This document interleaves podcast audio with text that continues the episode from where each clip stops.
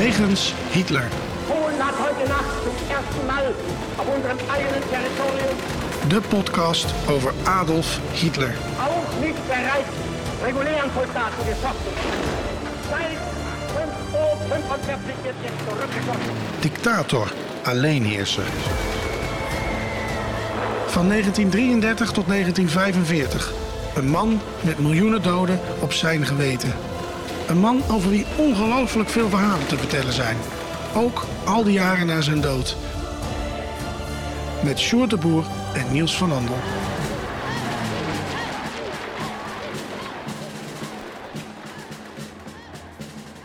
Een nieuwe week, een nieuwe wegens Hitler.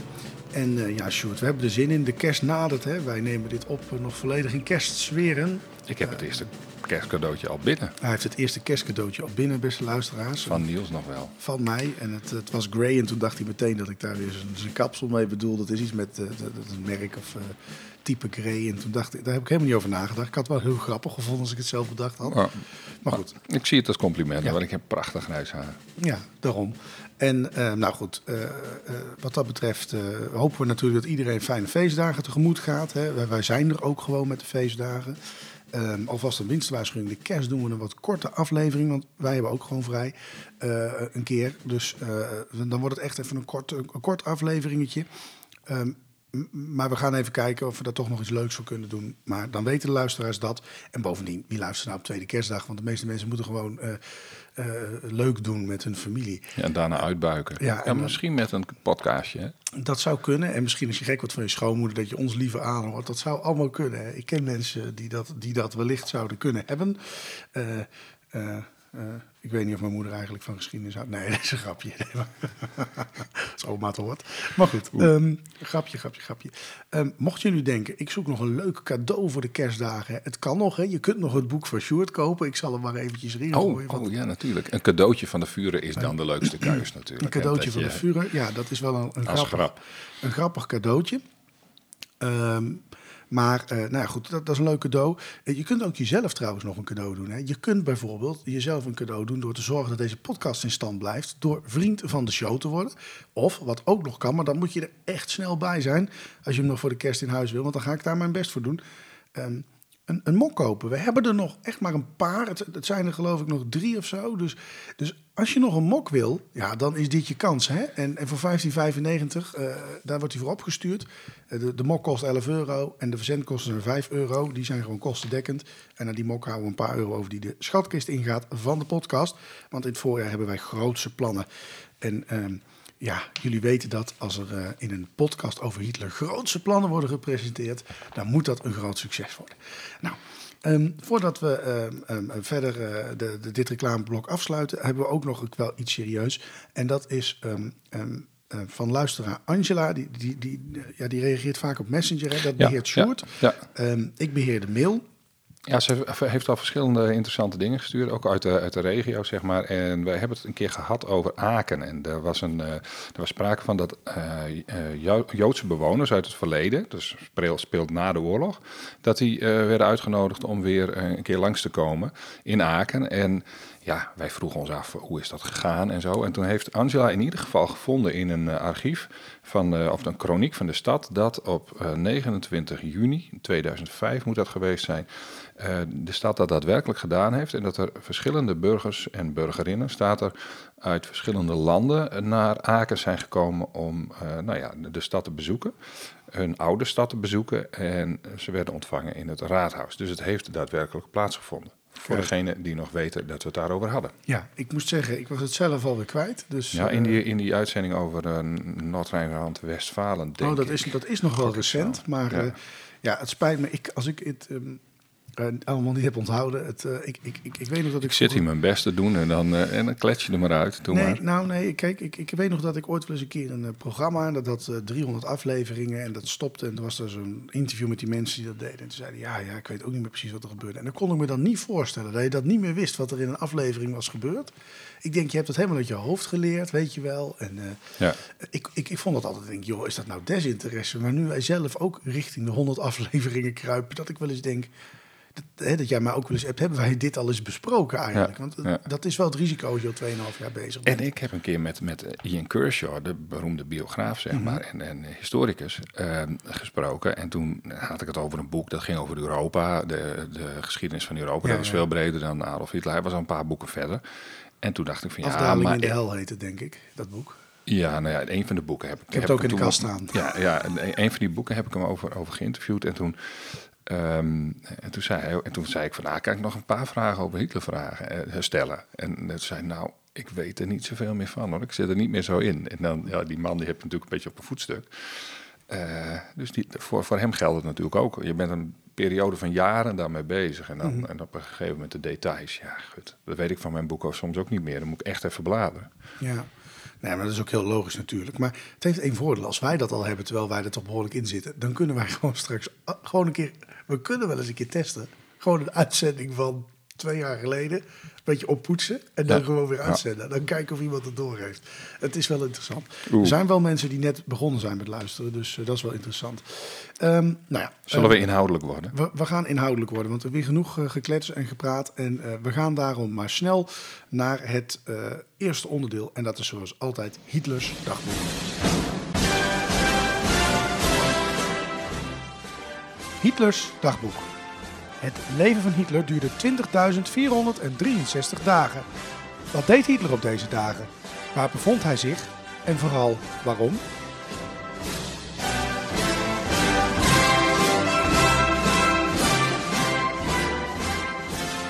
Deze uitzending komt online op 18 december 2023 en wij gaan terug naar 1941.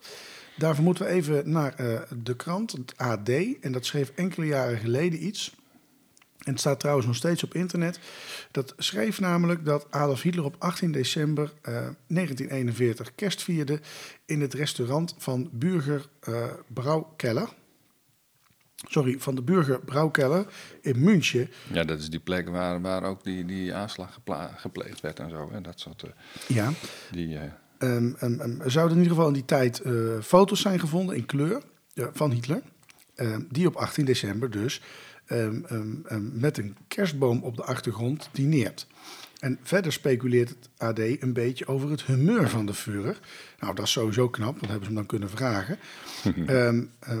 Het is niet echt eh, nieuwswaardig nieuws, maar Hitler at dus in een eh, kerstige omgeving. Nou, dat is, dat is hartstikke leuk om te weten, zou je dan toch tof, denken. ja. Ehm, nou, wij zouden dit natuurlijk niet hebben gedaan als er weer eens eh, wellicht iets niet klopte. Ehm, want als je eh, kijkt op de bladzijde ehm, ehm, 1980 van een vierdelig overzicht van data en plekken eh, van Hitlers leven, is Hitler op die datum helemaal niet in München, maar in zijn hoofdkwartier, de Wolfschanze in Polen.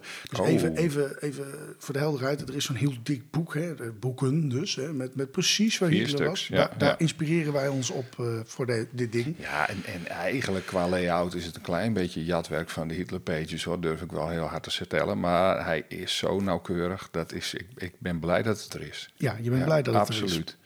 Maar het, het, het mogen duidelijk zijn, eh, dat, dat boek eh, gebruiken wij ook natuurlijk in de Hitler Pages Ja, ja. voor, voor de- de- deze rubriek. Ehm, het blijkt dus dat het onzin is, hè. hij is helemaal niet daar. Ehm, nou, eh, dat- hebben we natuurlijk even gecheckt hè, op Sjoerd's website, de Hitler Pages, want waar anders moet je dat checken? Hey. En Hitler die blijkt begin december in Berlijn te zijn geweest. Eh, maar hij is inderdaad ook in de tijdlijn op de website op de Wolfschanze. Eh, nou, dan voor de zekerheid nog een overzicht. Een overzicht van twee delen van dingen die Hitler doet op dagen van zijn leven. En daar staat ook niets bij over een etentje bij een kerstboom. Of over even een snel reisje naar München.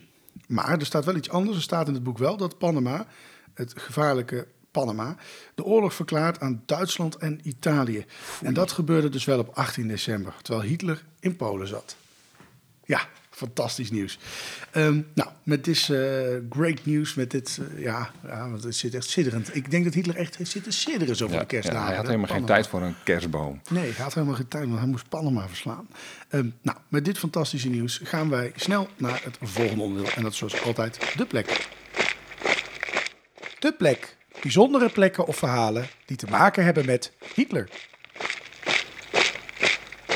Ja, en de plek, dat, eh, daar hebben we het vandaag over de plek in Noord-Frankrijk, Compiègne. Eh, tijdens het begin van de aanval op Frankrijk en de Benelux verbleef Hitler met zijn staf en de generaals in de Eifel in Duitsland. Eh, maar in juni 1940 trok de groep met Hitler de Ardennen in, naar het hoofdkwartier Wolfslucht 1 in Bruy-de-Peche. Nou, dat is een klein dorpje in de, in de Ardennen.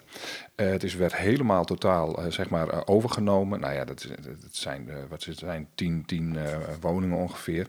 En daar maakte hij de overwinning op Frankrijk mee. We gaan naar 21 juni dus, toen de vrede getekend werd in Compiègne in Frankrijk. Ja, um, bij dat Franse plaatje, daar stond een bijzondere treinwagon op onze vuren te wachten. Um, een treinstel waarin uh, eerder al eens iets uh, gebeurd was. Wat uh, nou ja, goed, Hitler behoorlijk heeft gefrustreerd. Want vanaf het moment dat de politiek inging, heeft hij het er alleen maar over gehad. En het, het waren niet de Joden. Um, um, de, die hadden het natuurlijk ook altijd gedaan. Maar goed, dit was het andere belangrijke punt. Ja. Um, hij sprak daar dus ook veel over in zijn toespraken. Um, um, ik ben dan wel benieuwd, Sjoerd, die wagon, als die zo belangrijk was, wat is er in, in vredesnaam mee gebeurd? Ja, in, ergens in dat bos bij dat plaatsje Compiègne, daar, dat ligt iets ten noorden van Parijs, eindigde de Eerste Wereldoorlog. Officieel, hè, ooit officieel. De Duitsers ondertekenden daar de overgave onder toeziend oog van de Fransen. In een treinwagon. Um, en daarin zaten Fransen en Duitsers tegenover elkaar aan tafel. En, en, Adolf Hitler vond dat dus al sinds, inderdaad, wat je zegt, sinds het eind van de, van de Eerste Wereldoorlog een blamage voor het Duitse volk. En die blamage wilde hij zo snel mogelijk uitgewist zien. Ja, nou dan kan ik me zo voorstellen, Hitler op vliegend karakter, uh, die is vuil naar de, naar de lokale opslag van munitie gegaan. Heeft een paar flinke staven dynamiet uit de opslag getrokken. Hè. Die is met generaal Jodel richting dat steinstel getrokken met een tanks op de achtergrond. Heeft dat hele kleren ding op laten blazen. Nou, en, en, zo is het verlopen. Ja, ja we kunnen stoppen met de plek. Ja, ja helaas, helaas niet. Dat zou wel heel leuk zijn, ja, dat, dat je dan zo'n driftig Hitlertje ziet lopen met zo'n grote, grote astronaut. Zou het de uh, eerste keer zijn dat hij zelf iets had gedaan dan? Ja, ja, uiteindelijk is er wel zoiets gebeurd. Daar had Hitler ja, wel zijdelings mee te maken, maar niet, niet actief, zeg maar. Hij besloot eerst toch iets anders. Dat vond hij interessant, want hij had bedacht dat uh, nou ja, al een, een, aantal dagen voordat zijn legers de, de Fransen onder de voet liepen, had hij daar al over nagedacht. En wat hij had gedacht, is, wat, wat hij had bedacht, moet ik zeggen, was dat hij de Fransen wilde opzadelen met exact, exact dezelfde procedure. Um, als in 1918, op precies dezelfde plek. Maar dan precies andersom. Uh, want dit keer, op 21 juni uh, 1940, tekenden de Fransen voor overgave, waar de Duitsers daarvoor voor overgave hadden getekend. Ja, dus bijna 20 jaar later. Hè? Um, we weten dat Hitler uh, in zijn tirades altijd tegen dat verdrag is geweest. Um, en het, het, was eigenlijk ook altijd een vast bestandsdeel. Hè? Die, die hele dolkstoellegende. Uh, het, dik, het werd ook niet het verdrag, maar het dictaat van Versailles door hem genoemd. Hè? Ja. Um, en, en, ja, als wraak draaide hij nu dus eigenlijk de rollen om. Um, je, je, zegt net trouwens ook even dat het op dezelfde plaats heeft plaatsgevonden. Hè? Um, en ook nog eens in dezelfde wagon. Mm -hmm. Dus dat ding, dat, dat bestond nog. Ja, ja dat klopt. Die, die wagon, uh, nummer 2419D, al die wagons hebben natuurlijk een nummer. Die bestond nog steeds. Er stond in een hal daar, uh, vlakbij die historische plek waar die, waar die twee wagons uh, tegenover elkaar hadden gestaan. In de van, van, van Compiègne dus. Maar die hal die was aan de voorkant dichtgemetseld. Dat ding dat kon er dus niet uit. En dat vond Hitler wel een ding. Dat hij moest natuurlijk wel weer terug naar die plek, plek waar hij precies gestaan had. Um, en ja, dat betekende dat een stel Duitse uh, werkmannen die hebben die muur eruit gesloopt. Ja, um, um, nou dat is dan mooi, dat is dan handig, die muur eruit. Dan zou je zeggen, hij kan naar buiten rijden, maar nou was dat spoor daaromheen, dat was ook al even weggehaald, hè? Ja, dat is ook waar, ja. Die, ze, ze wilden, die Fransen die, die hebben van dat gebied een herdenkingsoord gemaakt en toen hebben ze de grond wat opgehoogd, zeg maar tot boven het niveau van de oude spoorrails. En, en toen moesten de Duitsers op dat moment, uh, in 1940, moesten daar dus een nieuw stuk spoor aanleggen waarover die trein naar de originele plek kon worden gereden. Nou, en, en, toen dat lukte, leek de situatie wel op die van 1918, maar er was nog wel een klein verschilletje. Nou ja, flink verschil eigenlijk, uh, als je moet optillen.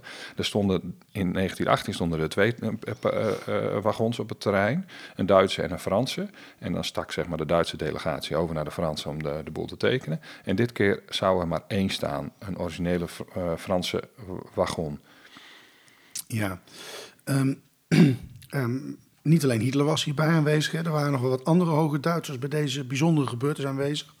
Uh, Hermann Göring natuurlijk, mm -hmm. Rudolf Hess, toen nog niet overgelopen. en Joachim van Ribbentrop. Ja, ja en, en, en nog wat mensen mensen van het leger. En dat zijn wat minder bekende namen. Maar eh, elk onderdeel was ongeveer vertegenwoordigd. E- Erik Rijder, eh, eh, eh, eh, Walter van Brouwsiets, eh, Willem Keitel, Wilhelm Keitel was er. Ehm, en het was eh, kwart over drie, smiddags, 21 april, komen ze aan. En dan, ehm, zeg maar, het, het, is een, het is een herdenkingsoord en er ligt een laan. En dan, nou ja, dan moet je van, door die laan moet je gaan lopen. En, maar daar staat ook een, een, een, een monument. En dat is het Alsace, Alsace-Lorraine monument. Ik moet dat echt op mijn beste Frans doen. Dat klinkt voor geen meter. Maar goed, eh, dat staat daar. En dat is een monument met een zwaard. En, en, en zeg maar dat een vogel, en die vogel symboliseert aan Duitsland, doorboort. Nou, Hitler heeft dat niet gezien. Eh, omdat men Duitse hakenkruisvlag over het beeld en de inscriptie eh, hadden hangen. Dus daar zijn gewoon foto's van, dus kun je ook inderdaad die vogel niet zien. Eh, via een met bomen liepen ze dus dan vervolgens naar die plek waar het monument stond. En waar de wagen op, op was gesteld. En wat dan weer typisch is, is dat daar vlakbij ook een granieten blok met een tekst lag. En die ging over de criminele Duitse trots die was overwonnen. En Hitler staat daar dan, dat is ook op een foto te kijken met al die mannen. Eh, en hij leest daar de Franse tekst en wandelde daarna door naar die wagon. Nou, Hitler heeft natuurlijk een tijdje in, in Frankrijk, Noord-Frankrijk rondgelopen. Dus die kon wel een, vast wel een stukje Frans lezen. Ja, precies. Ehm, dit is eigenlijk wel vreemd natuurlijk, want het beeld van de Duitse vogel, dat was wel gewoon zichtbaar. Hè? Ehm, eh, en de tekst was ook gewoon goed leesbaar. Ja, Ehm, maar de Duitsers die dit hadden voorbereid, die konden waarschijnlijk, eh, ja, ja, dat denk ik dan, eh, geen Frans lezen. Want een barbaren waren er ja, dat al, ja de- alleen de vuren die kon dat waarschijnlijk een beetje of zo puur toeval. Ja. Nee, geen idee hoe dat... eh, hoe dat eh, het is in ieder geval vreemd. Dat je dat ene ding, eh, dat, dat je er iets overheen gooit en dat ding in, en, en, en die tekst niet.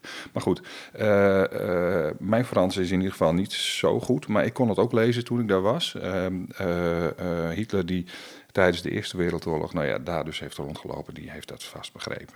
Ehm, het blijkbaar interesseerde hem trouwens ook niet zoveel. Nee. Dat, dat, daar een soort belediging op stond. Want hij ging die, die situatie toch omdraaien. Ja, precies. Dus dat, ja, En nou, hij staat daar. Op een gegeven moment komen ook de Fransen. ja, ja die, die komen dan pas als Hitler naar binnen is gegaan. En, en, en dan zie je op een gegeven moment een foto. En dan zie je de Franse delegatie voor die, voor die wagen wachten. En ik kan me niet voorstellen dat ze direct naar binnen moeten, mochten. Want daar was Hitler ook wel een mannetje naar. Hè, om dan even een beetje pauze te nemen. Van, laat ze maar even wachten. Dat is een wet Ehm, van de macht, hè? Ja, Laat ja. anderen op u wachten. Ja, precies. Ja, en als extra vernedering ging Hitler dan zitten in de stoel waar in 1918 de Franse eh eh, maarschalk Ferdinand eh, Foch zat. En, en ja, Hitler zei vervolgens helemaal niets. Hij knikte naar Keitel, die de inleiding van, de, van, van het wapenstilstandsverdrag begon voor te lezen toen die Fransen binnen waren.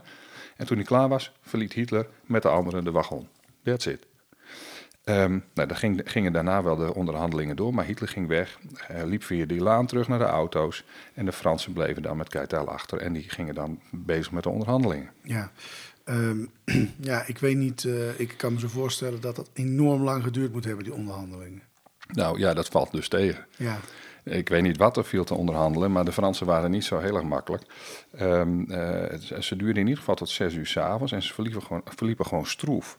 Ehm, eh, en vervolgens beloofden die Fransen dan de volgende ochtend om een uur of elf duidelijk te maken of ze akkoord gingen of niet. En, maar dat gebeurde ook niet. En ter- terwijl dus nog wel doorgevochten werd. Eh, en eh, niet overal, maar op een aantal plekken was dat nog, waren er nog ge- gevechten gaande. Nou, het duurde tot de volgende dag eh, tien voor zeven, s'avonds, voordat de Fransen ondertekenen. En daar komt dan dat verhaal uit dat Frank- Frankrijk in tweeën wordt gedeeld. Eén deel bezet door de Duitsers, één deel onder Duits gecontroleerd zelfbestuur. Ja. Ja, dan krijg je de, het Vichy-regime. hè. Dat is ook Ja, een eh, ja. mooie film van op Netflix te zien. Misschien met de kerst. Ja, dat is niet echt kerstig, maar wel, wel Als te bekijken. Ik kom even niet op de naam van die Michel. Petain. Petain was Ja, dat, hè? Ja. Volgens mij heet die film Petain. Op, eh, ik heb hem wel eens eerder genoemd hoor, in de podcast. Eh, ik had hem nog nooit gezien. Ik vond het heel interessant. Eh, en ook op YouTube, als je even zoekt naar Vichy Frankrijk, eh, dan is er best wel een goed filmpje wat in 20 minuten dat even Oh, helemaal doorneemt. Dus als je dat interessant vindt, eh, hartstikke leuk.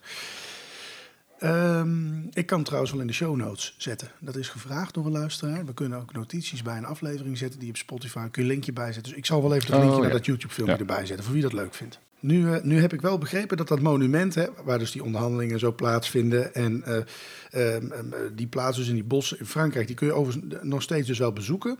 Eh, maar dat alleen de plek nog origineel is... en dat de rest eigenlijk en alles wat in de Eerste Wereldoorlog verwees... dat is door de Duitsers vakkundig eh, vernield. Hè? Ja, eh, vrijwel, vrijwel alles hoor. De, de, de, de hal waarin die wagon had gestaan, die werd opgeblazen. Eh, dat granieten blok met die provocerende eh, tekst erop, zeg maar, die, die werd ook eh, vernietigd. En het monument met zwaard en de vogel, die dat werd in delen afgebroken. En dat werd naar Duitsland gebracht, dus dat bestond nog wel. En de wagon werd verplaatst. Die ging naar Berlijn, die werd op een zware kar gezet. En naar Berlijn heeft volgens mij ergens... er zijn foto's van dat hij onder de Brandenburger Toren langskomt. En hij zou naar de Loestgarten aan de andere kant van den Linden neergezet zijn.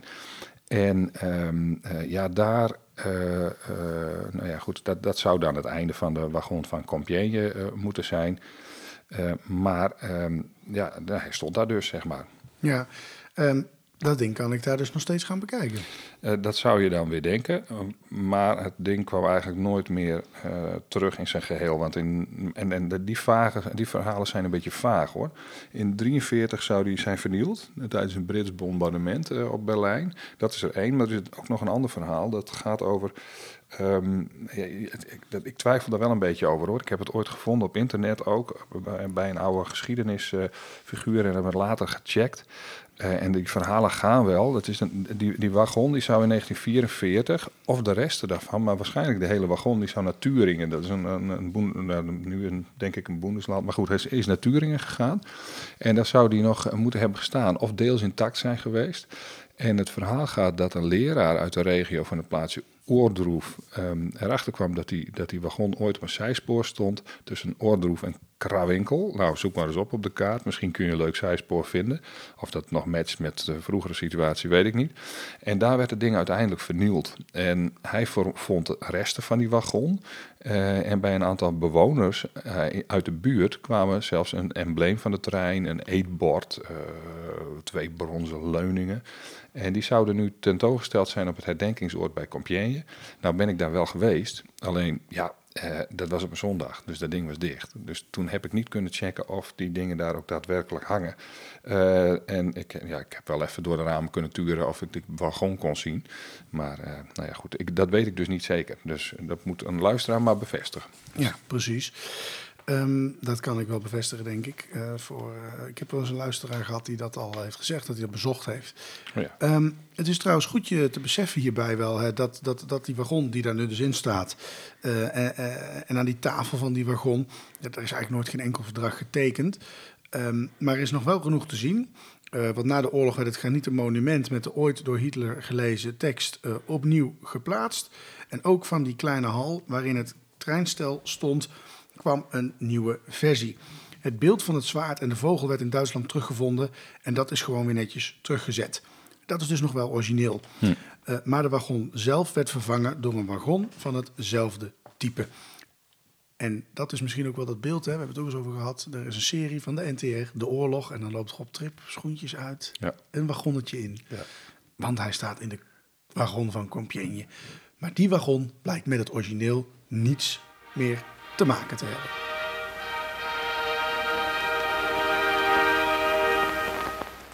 Het Nazi-journaal.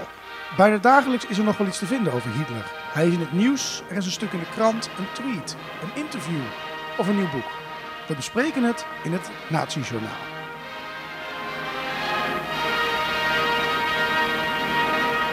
Ja, het Nazi-journaal. Nou, en eh, het, het, het moment is daar. Het kon natuurlijk niet wachten tot de VVD een keer gebest ging worden. Nou, en dat, dat, dat, Sjoerd heeft mij de eer gegeven.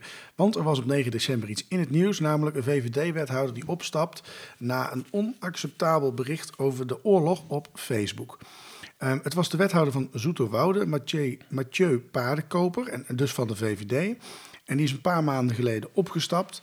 En waarom was toen niet helemaal duidelijk, maar eh, nu blijkt dus dat dat te maken had met een bericht op Facebook waarin iets hij zei over eh, de oorlog tussen Israël en Hamas. En in dat bericht zei Paardenkoper geen greintje mede te lijden te hebben met de gewonden en doden. Hij plaatste het bericht op Facebook kort na de terreuraanval van Hamas op Israël op 7 oktober. En daarna meldde hij op 16 oktober dat hij vanuit persoonlijke overweging had besloten te stoppen met zijn wethouderschap. Nou, nu zegt hij dat hij naar klachten van de oppositiepartij Progressief Zoeterwoude op het matje moest komen bij zijn partij, de VVD. En daar werd, hij mee, werd hem medegedeeld um, dat hij zijn ontslagbrief moest schrijven. En anders zou er een persbericht uitgaan met de mededeling dat het vertrouwen in mij was opgezegd, zegt hij. Nou, Paardenkoper zei ook: Ik heb mijn excuses aangeboden en zelfs voorgesteld om mijn Facebook-account te verwijderen. Ik wilde met de fractie in gesprek om uit te leggen waarom ik de post geplaatst heb. En uh, dat werd uiteindelijk ook geweigerd. Hij zegt verder: Ik wilde ermee zeggen dat geen van beiden de ander kan verslaan en dat ze er met elkaar uit moeten komen. Maar achteraf gezien begrijp ik dat de zin uh, zo fout is als het maar kan zijn. Nou, de VVD in Zoeterwoude heeft ook nog gereageerd. Dit was de zoveelste uiting op nieuws- en sociale media-sites waarin Mathieu op ongenuanceerde en in dit geval op een onacceptabele wijze zijn mening gaf. De gesprekken hierover hebben aanleiding gegeven dat hij zelf zijn ontslag als wethouder heeft ingediend. Nou, uh, ik, ik, ik weet niet het hele bericht, dus ik kan die ene zin er alleen maar uit uh, nemen nu. Ja, dat is altijd lastig. Hè? Maar als leraar Nederlands kan ik in deze context van dit nieuws toch wel zeggen dat, dat zeg maar een zinnetje waarin sprake is van dat er uh, geen greintje medelijden is, uh, uh, toch iets anders is dat, dat geen van beiden de ander kan verslaan. Er zitten ook andere zelfstandige naamwoorden in. Ja. Dus dat is best wel een groot verschil. Ja, Alleen ik weet niet in welke... wel een, een, hele alinea daarvoor en dat, dat, iemand, dat, en dat je van beide kanten een greintje medelijden kunt hebben. Dat, geen idee idee. Dus dat, dat weet ik niet. En uh, dat zou je dus eigenlijk wel moeten weten, want dat zie je natuurlijk heel vaak in de pers. Dus daar gaan we even lekker niet aan meedoen. Dit was in het nieuws. Ik heb altijd wat moeite met het politieke correcte gedoe, maar goed. Ik ja, maar goed, dit, ik als dit letterlijk gezegd is, dan is het wel echt een beetje... Ja, nee, daarom. Maar uh, nou, het beste luisteraars, ja. Sjoerd heeft ze zin, de VVD is eindelijk gebest. Nou, we gaan weer terug naar nee, dat hebben ze zelf gedaan. Ja, kan ik niks aan doen. De, um, uh, had ook nog een nieuwtje. Ja, Belgische spoorvervoerders die kregen geld voor deportaties. We hebben het een keer over de Nederlandse uh, NS gehad. Op 8 december 2023 op nu.nl uh, kun je iets vinden over de Belgische spoorvervoerders. Die kregen betaald voor deportaties van Joden en andere slachtoffers naar concentratiekampen in de Tweede Wereldoorlog. Nou, historici weten dat vrijwel zeker. Kijk, dat, daar zit natuurlijk wel weer wat, wat ruimte. En die komt wordt ook wel verwoord in het stuk. Spoorwegmaatschappij NMBS, ook zo'n mooie naam. Wij doen gewoon NS. Trouwens, Noorwegen heeft um, een spoorweg, ik dacht dat het Noorwegen is spoorwegbedrijf, dat heet NSB. Dat, dat is wel heel apart om daarin te stappen als je daar bent. Maar goed, de, de Belgische variant die kreeg in die tijd meer dan 50 miljoen Belgische frank betaald voor, let op, speciale treinen. Uh, volgens de onderzoekers bestaat er geen twijfel dat met dat geld deportatietreinen voorgoed uh, werden. Nou oké, dat is dus helder. Het is niet zeker of de Belgische spoorvervoerder net als de NS over zal gaan tot schadevergoedingen. België deporteerde bijna 26.000 mensen. Het grootste gedeelte van de slachtoffers bestond uit Joden, maar ook Roma, politieke gevangenen en dwangarbeiders werden gedeporteerd. Nou, maar 1195 mensen overleefden de deportaties. Tijdens de oorlog besloot de NMBS met de bezetters samen te werken eh, om de samenleving niet te ontwrichten. En dat komt dus ook bekend voor, want daar hebben we toen ook over gehad, over Nederland. Dat was een, mm -hmm. ook een basisprincipe om dat te doen. Maar de historici stellen dat deze houding hen al snel op het hellende vlak bracht. Na hulp aan de Duitse oorlogsmachinerie eh, ging ook de wissel naar het meewerken aan deportaties gemakkelijk om. Ja. En dat lezen we dus op nu.nl. Kijk, nou, uh, interessant. En uh, wellicht kunnen we daar ook nog eens wat naar. Ook, ja, weer uh, luisteren om te denken, man, wat beloof je veel. Maar we hebben ook daar gewoon nog een keer genoeg over te bespreken... over hoe Nederland ook meewerkt aan de bezetting mm -hmm. op sommige gebieden. Um, een volgend nieuwtje, dat gaat over een gedenkteken voor slachtoffers van het natiebewind... op een Duitse begraafplaats in Limburg. Um, op de Duitse oorlogsbegraafplaats, dus let op, een Duitse oorlogsbegraafplaats... in het Limburgse dorp IJsselstein is een nieuw monument onthuld... Uh, het is namelijk een gedenkteken voor alle slachtoffers van het natiebewind uh, in Nederland tijdens de Tweede Wereldoorlog. IJsselstein is de enige Duitse oorlogsbegraafplaats in Nederland. Er zijn bijna 32.000 mensen begraven. Uh, en dat waren voornamelijk Duitse militairen. maar ook SS-leden, collaborateurs en Duitse burgers die in Nederland woonden tijdens die oorlog. En in het midden van het grafveld staan er nu dus zuilen, dus vijf zuilen. Dat is dat gedenkteken. Op vier ervan staan de namen van plekken waar Nederlanders werden vastgezet door uh, de bezetter. Uh, Scheveningen, Amersfoort, Vught, Westerbork. En de vijfde zuil uh, bevat een tekst over de 102.000 Joden, Sinti en Roma. En duizenden andere slachtoffers van datzelfde natiebewind. Um, dat slachtoffers in tegenstelling tot de Duitse militairen vaak geen graf hebben gehad, was volgens de Duitse, sorry, niet volgens de directeur van de begraafplaats de aanleiding voor dit monument. Uh, het is mooi dat er nu een plek voor hen is, uh, zelfs hier op de begraafplaats van de vijand. Uh, het monument werd onthuld door Nederlandse opperrabijn uh, Benjamin, Benjamin Jacobs. En drie jaar geleden tekende hij nog een petitie tegen de herdenking van de oorlogsmisdadigers in IJsselstein. Hij zegt daarover, ja, ik was scherp, maar dat komt toen.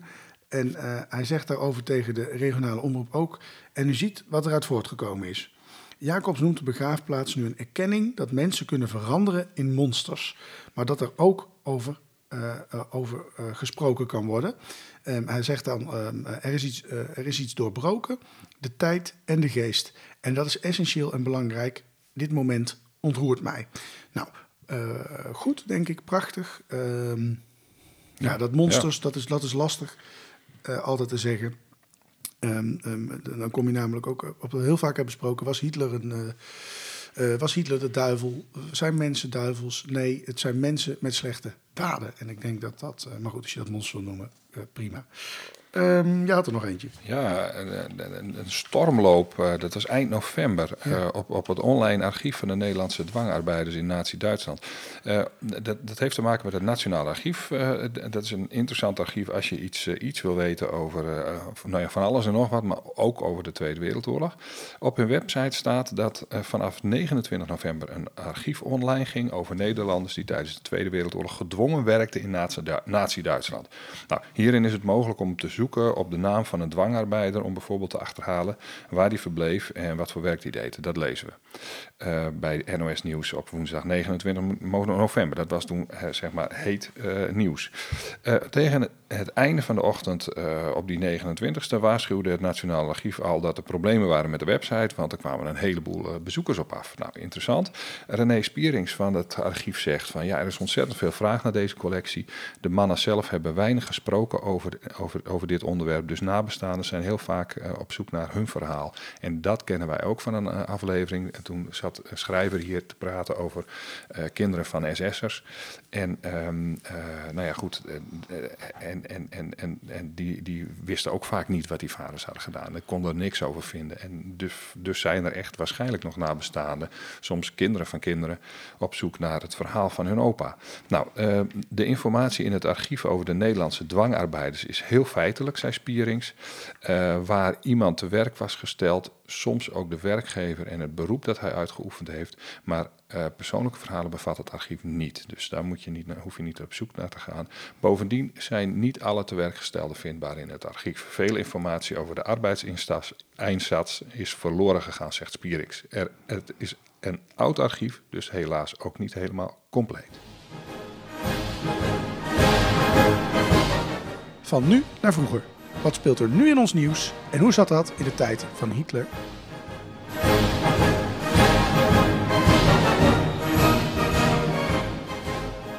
Ja, en tot slot dan, uh, ja, uh, zoals altijd, ons vaste onderdeel van nu naar vroeger. Um, en um, ja, wij wilden het, uh, de verkiezingen hebben we al een keer besproken. We blijven nog even in die sferen.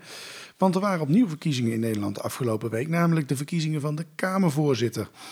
Um, um, en uh, ja, dat deed mij toch um, een beetje de vraag stellen. Ja, wie was er eigenlijk Kamervoorzitter in, in, in, in Duitsland uh, in die tijd? En misschien ook wel in Nederland. de Nederlandse regering die vertrok namelijk in, in mei 1940 naar Londen. En de Tweede Kamer die bleef officieel bestaan. Maar de Kamerleden konden en wilden niet vergaderen terwijl Nederland bezet was. Um, vanaf 1941 waren trouwens alle politieke partijen verboden, behalve dan de NSB natuurlijk, want die was de nazi's goed gezind. Ja, ja, ja. Um, ja, het oude Kamergebouw is weg, of is dicht. Als dat nou weer open is, moet je eigenlijk even een rondleiding zien te fixen. Um, met iemand of een partij, of uh, er valt altijd wel iets. En dan kom je op een gegeven moment ook in die eh, bibliotheek daar. Mhm. En daar staat de handelingenkamer, heet dat. En de handelingen is gewoon het vergaderverslag. Ja. Er staan al die dingen die met de hand nog geschreven werden. Dus echt een eh, soort archief. En daar is één plank leeg. En dat symboliseert die tijd dat de Kamer niet kon vergaderen. Ik geloof dat ze uiteindelijk, ik heb dat wel eens opgezocht, nog hebben vergaderd op de ochtend van de inval. Dat er een paar leden waren en dat er alleen maar is verteld: de, oh, de, eh, er is een inval geweest, wij wensen ons leger sterkte en succes. Eh, en dat dat eigenlijk de laatste vergadering is geweest totdat de regering uiteindelijk terugkeerde uit Londen. Oké. Ik moet meteen denken aan, aan de Rijkstaak. Ben je daar ook geweest? Heb je daar ook die, het zijn soort postbakjes hebben ze daar.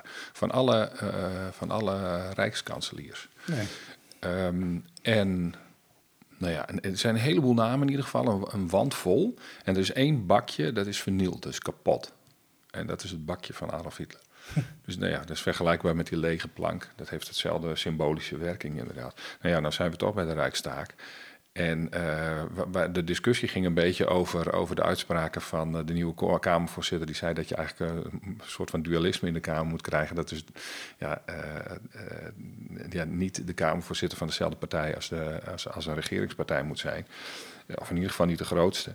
Ehm, ja, daar trokken ze zich natuurlijk ehm, eh, vrijwel niets van aan in de, in de, in de, in de nazi-tijd. Alhoewel ehm, degene die Kamervoorzitter was eh, in die tijd, was al voordat de nazi's de, de, de, nou ja, het meeste te zeggen hadden daar. Het is altijd moeilijk formuleren hoe dat precies zat, maar eh, in één zinnetje. Maar dat was Herman Geuring en die zat daar al een tijdje en die bleef daar eigenlijk ook zitten. Nou, waar hebben we het over? Een termijn eh, van, van voorzitter 30 augustus 1932 is die aangetreden en eh, ja, tot 24 april 1945 ehm, is die blijven zitten. En die 24 april, dat moet ik even opzoeken in mijn boek, maar ik weet het eigenlijk zeker, is het moment dat Hitler eh, hem niet meer moet. En hij gevangen wordt gezet op de Obersalzberg. Dus ja, en dan, en dan heeft hij allerlei mogelijkheden om van alles te manipuleren. Al vanaf eh, 1932, wie met wie vergadert en zo. Heeft natuurlijk overal een vinger in de pap. Dus dat is ehm, belangrijk. eh, maar eigenlijk na 33 is die hele eh, eh, rijkstaak eh, is niet zo heel erg belangrijk. Nee. Het is Nee. alleen fijn dat Geuring daar zit, want die kan dan dingen tegenhouden of wel laten doorgaan. Die kan een vergadering plannen als er iets te vieren valt of zo. En daarmee komen wij dus aan het einde van dit interessante onderwerp weer. Ehm, ehm, nou, we wensen natuurlijk de nieuwe Kamervoorzitter in ons democratische land heel veel plezier. Want laten we ook eerlijk zijn, eh, zo heel veel macht eh, heeft een Kamervoorzitter in Nederland niet. Ehm, nou, hoe dat precies zat dan in, de- in- in de nazi-tijd en misschien daarvoor kunnen we nog wel eens bespreken. Maar eh, voor nu eh, willen we het hierbij laten. En eh, nou, voor de luisteraars die ons pas weer horen na de kerstdagen, hele fijne kerstdagen en tot de volgende.